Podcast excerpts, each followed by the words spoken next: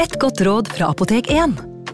Nå er snart pollensesongen i gang, og et godt råd til deg som sliter med pollenallergi, er å begynne behandlingen i god tid før allergisesongen starter. Da får du nemlig enda bedre effekt av legemidlene, og så blir ikke våren din helt ødelagt. Kom innom og få råd på ditt nærmeste Apotek 1, eller chat med oss på apotek1.no. Apotek 1 vår kunnskap, din trygghet.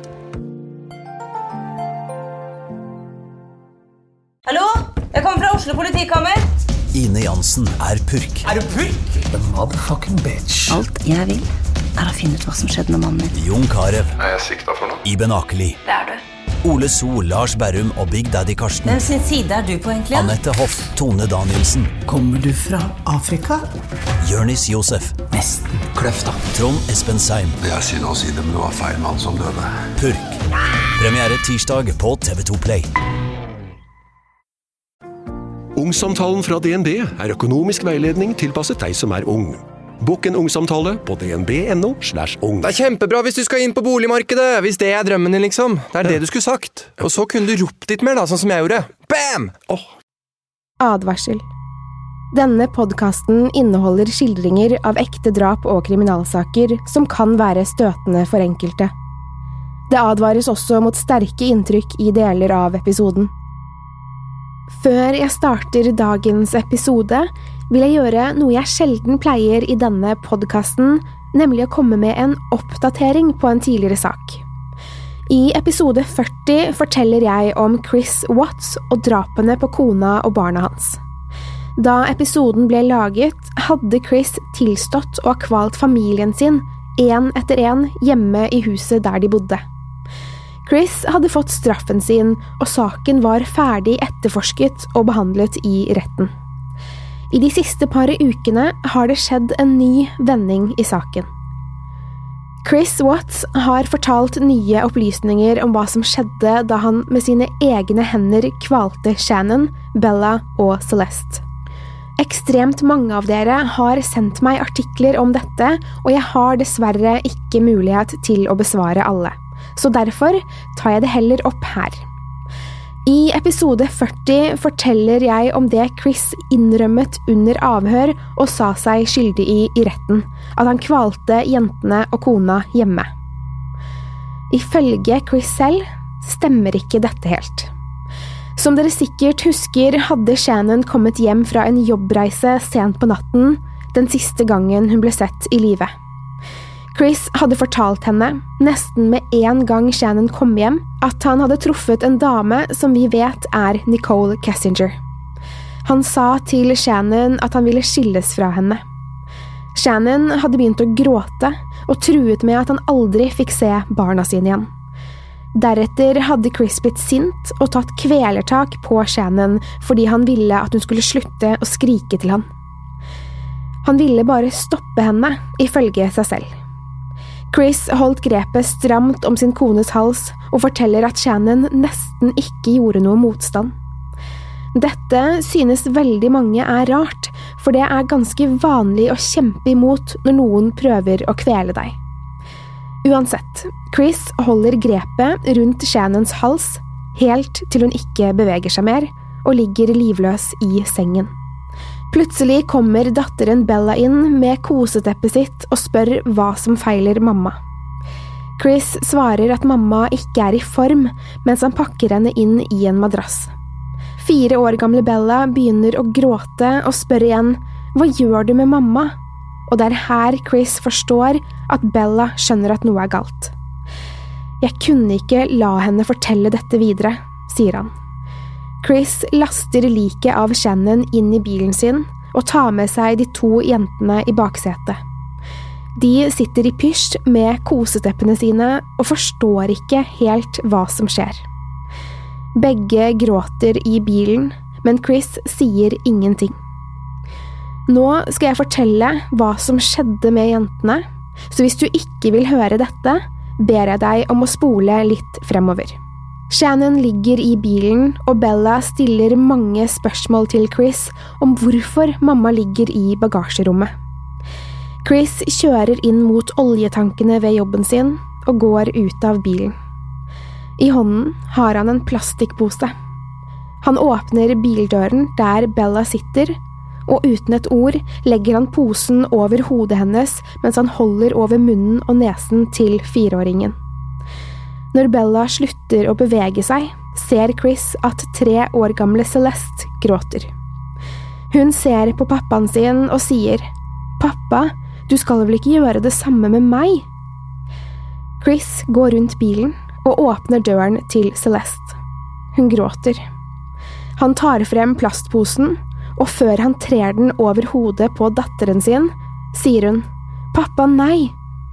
Så kveler han datteren sin til døde. Han slenger døtrenes lik i de to oljetankene de ble funnet i, før han begraver liket av Shannon. Det er mye en kunne sagt om Chris Watts og de forferdelige handlingene hans, men jeg tror vi alle tenker det samme. Jeg vet ikke hvorfor Chris kommer med dette nå. Kanskje han ønsker oppmerksomhet, eller kanskje han prøver å forklare hvilken vanskelig situasjon han var i, for han mener han ble provosert av Shannon til å drepe familien sin. Uansett, Chris er i fengsel og kommer aldri, aldri ut igjen heldigvis. Når det er sagt, går vi over på denne episodens sak, nemlig forsvinningen av Chris Kramers og Lisanne Fron, to nederlandske jenter som forsvant på fottur i jungelen i Panama i 2014. Dette er et mysterium. Ingen vet hva som virkelig skjedde med jentene. Det finnes mange teorier og mange vendinger i forsvinningen.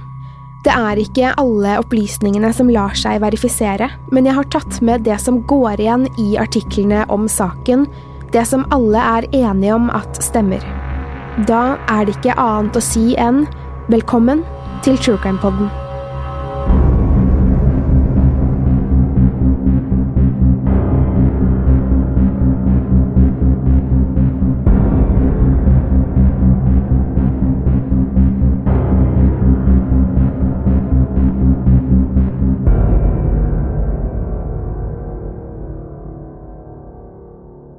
Chris Kramers og Lisanne Frohn var 21 og 22 år gamle og venninner fra studietiden.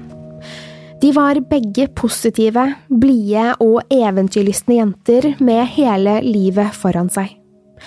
Chris hadde noen måneder tidligere tatt avgangseksamen på universitetet i Dayfenter og gledet seg til å feire utdannelsen med en tur til Panama sammen med venninnen Lisanne.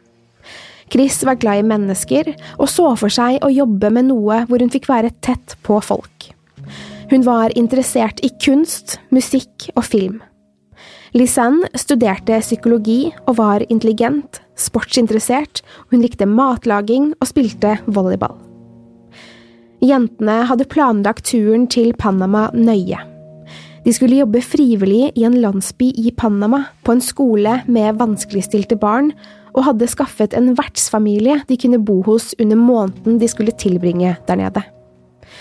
Jentene gledet seg i lang tid og så på turen som et eventyr, og håpet å bli bedre i spansk mens de jobbet med barna. Chris og Lisanne hadde også kontakt med flere andre nederlendere i Panama som også jobbet som frivillige. Tre av dem skulle de treffe allerede første dagen, de skulle spise lunsj sammen og bli vist rundt i Bukete, en liten fjellby. Den 29. mars ankommer de Panama og blir hentet på flyplassen av vertsfamilien, som virker veldig hyggelig og imøtekommende. Jentene skriver til foreldre og venner at de er kommet trygt frem, og nevner også at vertsfamilien har en hund de liker godt. Etter å ha kommet frem til landsbyen og pakket ut, møter Chris og Lisanne de nederlandske guttene de hadde hatt kontakt med. De spiser lunsj, tar noen øl og koser seg. Deretter går jentene bort til kontoret der de skulle møte opp for det frivillige arbeidet som skulle starte neste dag. På kontoret får de vite at det ikke finnes noe arbeid til dem enda. Deres jobb skulle ikke starte før i neste uke. Jentene tenker at det kan ha vært språkproblemer som førte til misforståelsen, men synes de på arbeidskontoret var uhøflige og lite hjelpsomme da misforståelsen var et faktum. Plutselig hadde Chris og Lisanne en uke uten noen som helst planer. De visste ikke helt hva de skulle ta seg til, men tok likevel situasjonen med et smil. Nå hadde de jo fått en ukes ferie, og fikk tid til å utforske den lille byen, fjellene og jungelen. Jentene bestemmer seg for å treffe de nederlandske guttene igjen, for å høre om de hadde noen tips til steder de burde besøke, eller turer de kunne ta. De fem vennene tilbringer ettermiddagen sammen, og Chris og Lisanne ønsker å ta en fottur til en av fjellene ved byen. Dagen etter treffer de en guide som viser dem forskjellige stier de kan ta gjennom jungelen, med utsiktsposter hvor de kan se utover hele byen og ned mot en stor elv. Turen opp til fjellet ville ta ca. fire timer hver vei, en perfekt dagstur. Guiden anbefaler dem å holde seg på stien og ikke gå inn i jungelen, for den var tett og hadde bratte partier som kom plutselig. Hvis de skulle krysse over elver eller skrenter, burde de bruke hengebroene slik at de ikke skadet seg. Været kunne også variere. Det var veldig varmt om dagen, så de måtte ha med seg masse vann. Om kvelden ble det ofte kaldt, så de burde også ha med seg jakker og varmt tøy. På våren pleide det å komme kraftige regnskyll, ofte uten mye forvarsel, og steiner kunne bli veldig glatte. Derfor anbefalte guiden å ta på gode sko. Jentene virket spente på dagsturen, og Lisanne håpet på å få tatt fine bilder med kameraet sitt. Turen skulle være en av de vakreste i området, med små fossefall, tett jungel og spektakulær utsikt. Begge gledet seg. Jentene bestemmer seg for å ta turen uten guide, de skulle bare holde seg på stien, og lovet å snu om de ble slitne. Guiden rådet dem til å ha med seg noen som kjente turen, men Chris og Lisanne sa at de heller ville ha med seg guiden på turen de hadde tenkt å ta om to dager, da det var en mer krevende rute. På kvelden er de hjemme hos vertsfamilien og forteller om ruten sin. Familien sier turen er flott, og tilbyr dem å ta med seg familiehunden, noe de takker ja til. På morgenen den 1. april 2014 spiser Chris og Lisanne frokost med vertsfamilien. De pakker med seg litt mat og fyller flasker med vann. De passer også på å ta med seg litt skiftetøy, og Lisanne tar med kameraet sitt. Mellom klokken ti og elleve på formiddagen starter de turen. De har med seg hunden, og begge er kledd i shorts og T-skjorter. Rundt klokken 18 på kvelden kommer hunden hjem igjen, alene. Jentene er ikke å se. Det er nesten helt mørkt ute, og det begynner å bli kjølig. Hunden virker i fin form og oppfører seg som den pleier. Vertsfamilien ser etter jentene, men de kommer ikke. De venter litt til, det kan jo hende de har møtt noen kjente på veien og glemt å si fra. Timene går, og jentene er fortsatt ikke kommet hjem. De føler på seg at noe ikke stemmer, men går likevel og legger seg for natten. Neste morgen er jentene fortsatt ikke kommet hjem. Nå er vertsfamilien bekymret på alvor. De ringer telefonene til jentene, men begge telefonene er slått av. Derfor ringer de politiet og melder jentene savnet. Politiet tar imot meldingen, men tar den ikke seriøst. De svarer at jentene sikkert har møtt noen og er ute på fest. Det er typisk turister, får de til svar. Vertsfaren blir irritert. Han har et helt annet inntrykk av Chris og Lisanne. De var rolige, ordentlige jenter som ikke ville dratt noe sted uten å si ifra. Samme ettermiddag, fortsatt uten tegn til Chris og Lisanne, kontakter vertsfaren det lokale guideselskapet og får snakke med guiden som hjalp jentene med å planlegge turen. Guiden sier at også han lurer på hva som har skjedd, for han skulle ha møtt jentene klokken ni samme morgen, men de møtte ikke opp. Han hadde først trodd at de hadde glemt turen de skulle på, og ventet en liten stund før han reiste tilbake til kontoret sitt. Guiden tilbyr seg å gå stien jentene skulle ta for å lete etter dem. Vertsfaren takker for hjelpen, og de avtaler å snakkes senere. I mellomtiden ringer han familiene til både Chris og Lisanne og forteller at jentene er savnet, og at politiet foreløpig mener at de sikkert bare er og fester. På kvelden, 24 timer etter at de skulle ha vært hjemme igjen, er det ingen tegn til dem. Nå er alle sikre på at noe har skjedd dem. De tenker alt fra ulykker til at de har gått seg bort, og det verst tenkelige kidnapping eller at de er utsatt for noe annet kriminelt. Det finnes farlige dyr i området, særlig slanger. Slangene er store og giftige og kan drepe et menneske om de biter. Giften i slangenes hoggtenner sprer seg raskt i blodet, og hvis den som blir bitt ikke får behandling på sykehus raskt, vil de være døde innen noen timer. Det hadde også vært noen regnskyll dagen jentene var i jungelen, noe som skaper glatte steiner og skogbunn. De kan jo ha falt, og kanskje ligger skadet uten mulighet til å skaffe hjelp. Vertsfamilien holder tett kontakt med jentenes foreldre, og avtaler at siden politiet ikke vil gjøre noe enda, må de ta saken i egne hender. De kontakter naboer, venner og andre i byen, deriblant de nederlandske guttene, som alle ønsker å hjelpe til. De igangsetter en stor leteaksjon den 3. april uten noe resultat. Jentene er ikke å se noen steder. De ligger ikke skadet langs stien, og ingen av eiendelene deres blir funnet.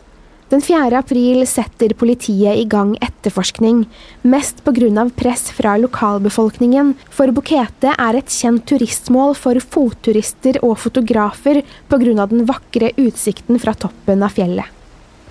De fleste i byen lever på en eller annen måte av utenlandske turister, og hvis Bukete får rykte på seg for å være farlig, vil kanskje turismen minke. Så politiet setter altså i gang etterforskning. De sender ut flere grupper letemannskaper og dekker et stort område av jungelen, på begge sider av fjellet. Fortsatt ingen tegn til jentene. Politiet forteller på en pressekonferanse at de tror jentene kan ha vært utsatt for en ulykke, og håper å kunne finne dem snart. Den 8. april ankommer jentenes foreldre Bukete og hjelper til med letingen. De gjør en rundspørring i byen og viser bilder av både Chris og Lisanne, men ingen kan huske å ha sett dem. Etter ti dager med søk, uten resultat, avsluttes søkene fra politiets side. Familiene er opprørte. De føler ikke at politiet gjør nok for å finne jentene, og de avfeier situasjonen som en simpel ulykke. Jentene hadde hatt med seg mat og vann, men ikke nok til mange dager ute i jungelen, og situasjonen kan være livstruende om de ikke blir funnet snart. Familiene ansetter en lokal advokat som skal ivareta deres interesser. Advokaten går straks ut i media og kritiserer politiet, og får støtte fra lokalbefolkningen. Det nederlandske utenriksdepartementet engasjerer seg også i saken, til ingen nytte. Uten resultater og spor er det ikke mye de kan gjøre. Ti uker etter forsvinningen kommer en lokal kvinne til politistasjonen. Hun har funnet en ryggsekk som passer til beskrivelsen av den jentene hadde med seg. Politiet åpner sekken og finner to mobiltelefoner, et kamera, to bh-er og en vannflaske. Telefonene, så vel som det andre, tilhører Chris og Lisanne. Mobiltelefonene er begge tomme for batteri, men lades opp og undersøkes. Den 1. april, samme dag som de sist ble sett før fotturen, hadde Chris ringt det nederlandske nødnummeret 112 klokken 16.39. Hun hadde ikke kommet frem og skrudde av telefonen. Litt over ti minutter senere, klokken 16.51, hadde Lisanne også ringt 112. Nødnummeret i Panama er til opplysning 911. Jentene holdt telefonene avskrudde til neste dag, og klokken 06.58 hadde Lisanne ringt 112 igjen, før hun klokken 10.53 hadde ringt 911. Chris hadde ringt 112 på kvelden klokken 18.14. Mellom alle gangene de ringte, slo de av telefonene sine, trolig for å spare batteri. Ingen av nødanropene hadde kommet frem fordi det var ikke dekning i området. Den 3. april prøvde Chris igjen å ringe 911 uten å komme frem. Begge jentene prøver ved til sammen tre anledninger utover dagen å skru på telefonene og sjekke etter dekning, uten hell. Den 4. og 5. april slår jentene på telefonene sine til sammen fem ganger for å sjekke dekningen, uten at det går. Den 5. april er Lisanne sin telefon tom for batteri, og det finnes ikke noe aktivitet på telefonen hennes etter denne dagen. Chris derimot hadde tydeligvis batteri på sin. Den 6. april klokken 10.26 og 13.37 tastes feil PIN-kode på telefonen. Nå har jentene vært savnet siden 1. april, og etterforskerne tror minst én av dem har vært i live og ved bevissthet den 6. april. Mellom den 7. og 10. april slås telefonen på 77 ganger uten å finne telefondekning. Den 11. april slås den på, og personen som bruker den, slår feil PIN-kode igjen klokken 10.51.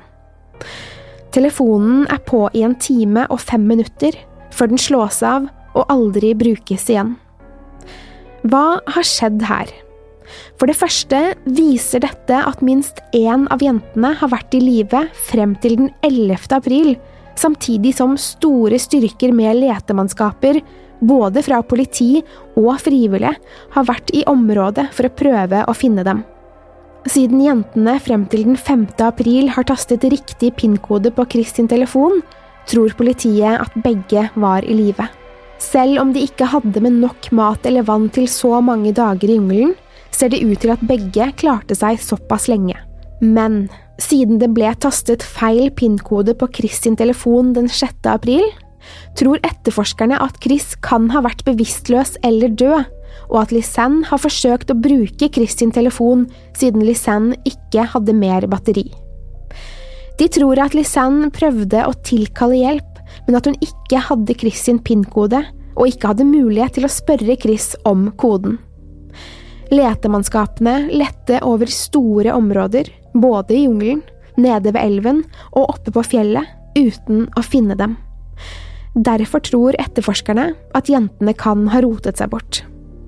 På den andre siden av fjellet, altså på baksiden av retningen de kom fra, er det svært bratt og uoversiktlig, og en hypotese er at den ene, eller begge, har rotet seg bort, falt og skadet seg, og derfor prøvd å skaffe hjelp allerede samme ettermiddag som de skulle ha vært på vei hjemover den 1. april. De må ha beveget seg langt bort fra den stien de egentlig skulle ha tatt. Det er ikke bare telefonbruken som er mystisk, for i sekken var også lisens kamera. Bildene på det kameraet er grunnen til alle de forskjellige spekulasjonene og teoriene i denne saken. Bildene er diskutert på mange forum, i artikler og podkaster, på grunn av det de viser, og ikke viser. Mange av bildene ligger ute på nettet. Søk på Chris Kramers and Lisanne Frohn Photos, så kan du se et utvalg av dem. Så til bildene. Den 1. april, dagen de la ut på turen, finnes det flere selfier av jentene noen bilder av utsikten og bilder av Chris og Lisanne poserende slik som på vanlige turistbilder. De ser blide og glade ut, og været er fint. Dagen etter er ikke bildene de samme. Jentene ser slitne og trøtte ut, og vi vet nå at de allerede har prøvd å ringe nødnummeret til både Nederland og Panama. På et av bildene ser man Chris sitt bakhode, med blod bak den ene tinningen. Hun er tydelig skadet, men ikke livstruende, da blodet ser ut til å være størknet. Så kommer det en del kveldsbilder tatt mellom klokken ett og fire på natten den 8. april. Det er hele 90 bilder tatt i dette tidsrommet, og bildene er nummerert. Bildene er uvanlige. Det er tatt bilder av trær, stier, bakken, steiner.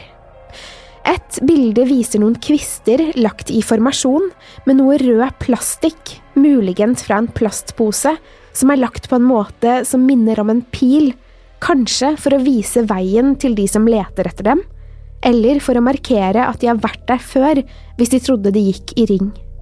Et annet viser en slags formasjon av toalettpapir og et speil, muligens for å reflektere lys hvis et helikopter lette etter dem. Det er ett bilde som har skapt mye diskusjon. Det er mørkt, viser en fjellskrent, og nedenfor skrenten ligger det noe. Det kan se ut som en menneskekropp, et lik. Etterforskerne er ikke sikre på om det er et lik, for bildet er veldig mørkt. Likevel ser de på muligheten for at Lisanne kan ha tatt bilde av en skadet eller død Chris i skrenten. Prøver Lisanne å fortelle noe med dette bildet? Det er også noe annet merkelig med bildene, for som jeg nevnte, var bildene nummerert automatisk av kamera. Derfor kan politiet se at det er ett bilde som mangler. Bilde nummer 509 skal være tatt mellom dagbildene og de mørke nattbildene. Hvorfor er det slettet, og hvem har slettet det? Hvorfor skal jentene ha brukt tid på å slette ett av bildene, og ikke flere? Etterforskerne kan også se at bildet ikke er slettet fra selve kameraet, men via et dataprogram eller en datamaskin. Det indikerer at noen andre kan ha slettet bildet. Noen andre enn Chris og Lisanne. Politiet begynner å tenke i de baner at noe kriminelt kan ha skjedd, men er forsiktige med å fortelle dette til media og jentenes familier, som har trodd dette lenge. Chris sine shorts blir også funnet på en stein ikke så langt fra der sekken ble funnet. Shortsene ligger pent sammenbrettet på steinen, som om noen har lagt dem der. Ingen har sett dem tidligere, så de må ha blitt lagt der kort tid før de ble funnet.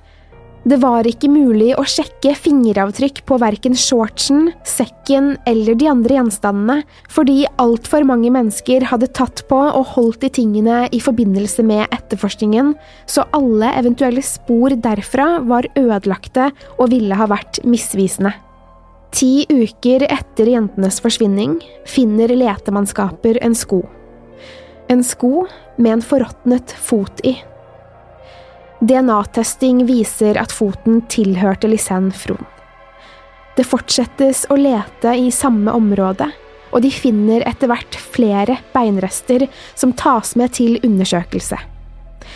Beinrestene DNA-testes, og de tilhører tre personer. Lisanne, Chris og en ukjent person. Jentene er døde. Nå skal det nevnes at beinrestene ble funnet over et relativt stort område, så man kan verken fastslå eller utelukke at jentene var sammen med en annen person i jungelen. Det som likevel er rart med funnet, var at beina var helt rene og tilsynelatende bleket og renset. Beinrester som finnes i skogen, særlig etter bare ti uker, har som oftest rester av muskler, sener eller hud på seg, selv om de er spist på av ville dyr. Beinrestene var unaturlig rene, og det at de kan ha vært bleket, styrker teorien om at noe kriminelt har skjedd. Det skal nevnes at bein kan blekes i solen, men restene ble funnet i en tett jungel hvor det var skygge nesten hele dagen. Hvis de hadde ligget i solen, hadde de i så fall blitt flyttet dit, kommer det frem av etterforskningen. Så jentene er altså døde, og foreldrene deres er hjerteknuste. Det verste for dem var at døtrene deres etter all sannsynlighet var i live da de selv ankom Panama og døde mens alle lette etter dem. Restene av jentene ble funnet i samme område som det ble lett i, og selv om området var finkjemmet ifølge letemannskapene, kan ingen huske å ha sett verken beinrester eller Lisannes sko og fot der. En ting til. Lisannes fot var forråtnet, og de andre restene besto av bare bein, uten tegn på hud eller muskler. To vidt forskjellige stadier i forråtnelsesprosessen, men de ble funnet i samme område i skogen. Jeg vil også nevne at noen mener det fantes litt hudrester på Lisannes ben, og at Chris sine beinrester var helt rene. Hva som stemmer, er ikke sikkert, da det skrives veldig mye forskjellig, som nevnt i innledningen. Advokaten til jentenes familier gikk ut i media og krevde drapsetterforskning, og anklaget guiden jentene skulle treffe, og for så vidt traff, dagen før de forsvant. Guiden hadde tidligere vært anklaget for trakassering av unge kvinnelige turister, og advokaten, i tillegg til familiene, mente at han burde ha vært avhørt. Det ble han aldri. Politiet i Bukete klassifiserte dødsfallene som en ulykke, og mener at jentene enten skadet seg og døde, ble bitt av slange, eller kanskje sultet og tørstet i hjel. Det var ikke mulig å konkludere med noen spesifikk dødsårsak ut fra beinrestene og foten. Derfor er jentenes dødsfall skrevet av som en ulykke, og etterforskningen avsluttet. Dere kan lese om saken på eksempel reddit.com og se flere dokumentarer på YouTube. De fleste bildene fra Lisens sitt kamera finnes på nettet, som nevnt tidligere. Søk på jentenes navn og ordet photos, så får du se dem selv og avgjøre hva du mener er på dem. Jeg vil nevne at noen av bildene er falske. Det finnes ingen spøkelser på bildene, selv om det er et av de første som kommer opp på nettsøket. Jeg vil gjerne høre hva du synes. Bli med og diskuter på vår Instagram-konto som heter True Crime Norge. Til neste gang, pass på deg selv, og takk for at du har hørt på True Crime-podden.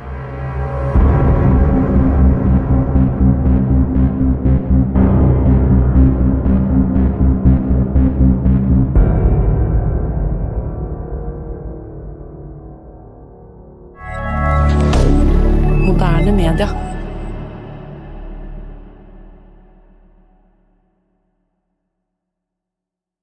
Har du et enkeltpersonforetak eller en liten bedrift?